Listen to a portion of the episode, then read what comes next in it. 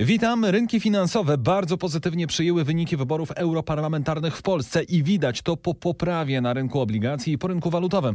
Dlaczego jest lepiej? Z dwóch powodów. Po pierwsze, tak duże zwycięstwo Prawa i Sprawiedliwości powoduje, że rząd będzie czuł mniejszą presję na składanie przed jesiennymi wyborami kolejnych bardzo kosztownych obietnic. Po drugie, w Polsce, w odróżnieniu od innych krajów, radykalne partie przegrały. Wystarczy przypomnieć, że we Francji wygrała Marine Le Pen, we Włoszech antyunijna Liga Matteo Salviniego. W Wielkiej Brytanii partia Brexitu Nigela Farage'a, która chce przyspieszyć wyjście Wielkiej Brytanii z Unii. U nas na przykład z kolei Konfederacja poległa z Kretesem, więc jest różnica.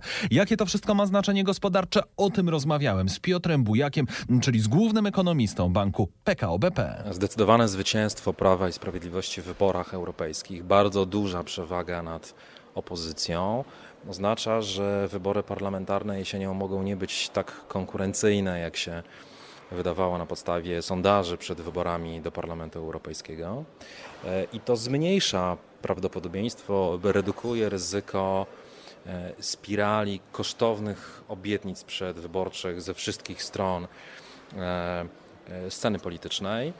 I to jest dobry scenariusz, a przynajmniej neutralny dla oceny perspektyw fiskalnych Polski i dla rynku polskich papierów skarbowych. To widać już na rynku od e, poniedziałkowego poranka, jeżeli popatrzymy na kurs złotego, gdzie mamy bardzo spokojnie, gdzie popatrzymy na rynek obligacji, też jest duży spokój. Mimo nie najlepszego otoczenia globalnego i raczej wzrostu awersji do ryzyka na globalnych rynkach, polskie aktywa, w tym obligacje skarbowe, zachowują się od weekendu relatywnie dobrze i to wydaje się potwierdzać ocenę, że wynik wyborów do Europarlamentu został przyjęty przez inwestorów e, dobrze i że e, uważają oni, iż perspektywy polskiej polityki fiskalnej pozostają względnie dobre.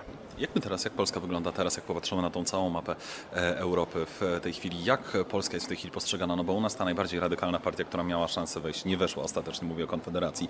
No ale z drugiej strony mamy zupełnie inną sytuację w takich Włoszech na przykład, gdzie mamy ligę, która wygrała we Francji Marine Le Pen, w Wielkiej Brytanii Farage. No mamy jeszcze Austrię, gdzie się posypał rząd, tak, pierwszy raz w historii został w ten sposób odwołany. E, to my wędrujemy do koszyka krajów spokojnych już tak bardzo? Porównując wynik wyborów do Europarlamentu w Polsce z tym, co stało się w innych krajach Unii Europejskiej, w tym w największych e, państwach, e, można powiedzieć, że Polska staje się swego rodzaju oazą stabilności politycznej i taką oazą przewidywalności.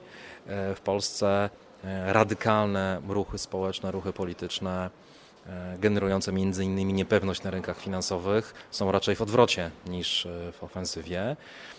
No i na tym europejskim tle Polska wydaje się być jednym z najspokojniejszych politycznie obszarów. I to dobrze wróży również perspektywą naszej gospodarki. A propos niespokojnych rzeczy, to zwycięstwo Farage'a tak duże, tej Brexit Party w Wielkiej Brytanii, to powoduje, że z punktu widzenia rynków, co rynki myślą, że Brexit jest już przesądzony? Patrząc na to, co się dzieje w Wielkiej Brytanii, e, w tym na wynik e, wyborów do Europarlamentu Wielkiej Brytanii, e, coraz bardziej prawdopodobne staje się takie zero-jedynkowe rozstrzygnięcie w sprawie Brexitu. To znaczy coraz mniej prawdopodobny staje się scenariusz jakiejś formy miękkiego wyjścia Wielkiej Brytanii z Unii Europejskiej, miękkiego rozwodu, rozwodu przyjaznego.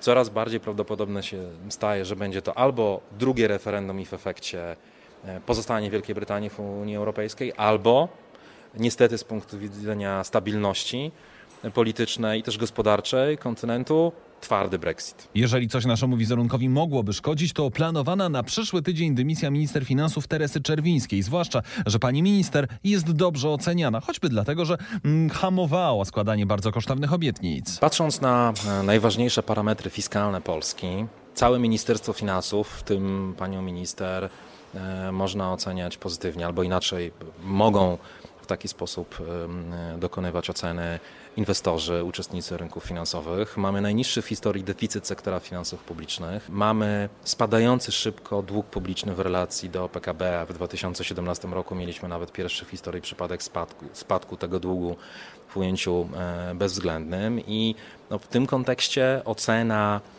polityki fiskalnej e, w Polsce, ocena pracy Ministerstwa Finansów w ostatnich latach musi być pozytywna. Mówi główny ekonomista PKO BP Piotr Bujak.